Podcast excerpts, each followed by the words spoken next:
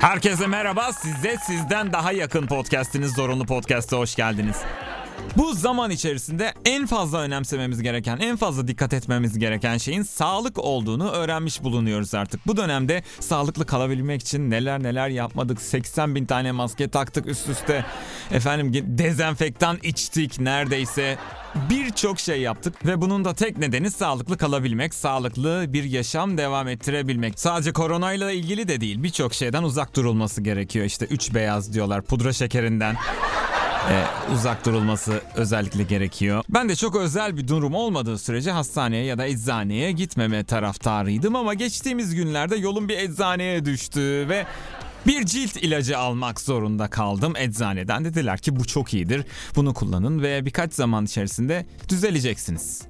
Çok da kesin konuştu. Ben çok mutlu bir şekilde ayrıldım eczaneden. Ama pek umduğum gibi olmadı. Birkaç zaman sonra tekrar gittim aynı eczaneye. Eczacı ablaya dedim ki benim problemlerim geçmiyor. Hala bazı problemlerim var. İşte cildimde kaşınma var filan gibi. Bir şey söyledim ve eczacı benim adeta yüreğime su serpti. Onlardan bende de var merak etmeyin dedim. Bir rahatlamışım sevgili dinleyenler. Yani öyle böyle değil. Dedim ki sizde varsa ben kimim ya? Yani, tamam dedim o zaman. İkna oldum çıktım eczaneden. İnsanlara inanmak, insanlara güvenmek lazım. Biraz insanlara teslim olmayı öğrenmek lazım. Açık söyleyeyim. Aynı tekniği eve usta geldiğinde de uyguluyorum.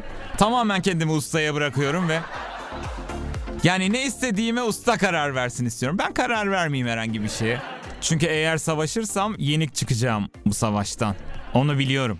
Diyorum ki mesela şuradan şu kabloyu çıkarsak olmaz diyor ya.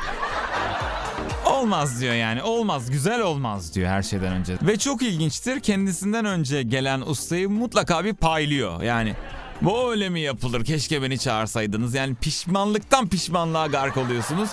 Ama her şeye rağmen sonunda ikna oluyorsunuz tabii yani. Usta iknası diye bir şey var. Genelde çok kibar olduğumuz söylenemese de bazı konularda enteresan bir hassasiyet, enteresan bir kibarlık geliştirdiğimizi söyleyebilirim. Mesela sırf anne babası istedi diye doktor olanlar var. O tabii bir önceki kuşakta daha fazla vuku bulmuş bir şey ama adam doktor oluyor sonra yazar oluyor filan böyle enteresan hikayeler. Bir önceki kuşaktaki o bir koltukta iki karpuz hikayesi tamamen aileyle ilgili. Babası izin vermiyor. İlk önce mühendis oluyor sonra başka şeyler falan. Bana çok hüzünlü gelmiştir avukatlık diploması olup da avukatlık yapmayan ya da doktorluk okuyup da mesleğini yapmayan o yaslı diplomalar. Kim bilir kaç cilt diploma vardır öyle sandık köşelerinde. Aslında anne babanın diploması olan. Zaten iyi bir yerlere gelmek için lise diploması bile yetiyor güzel ülkemizde. Tekrar görüşeceğiz.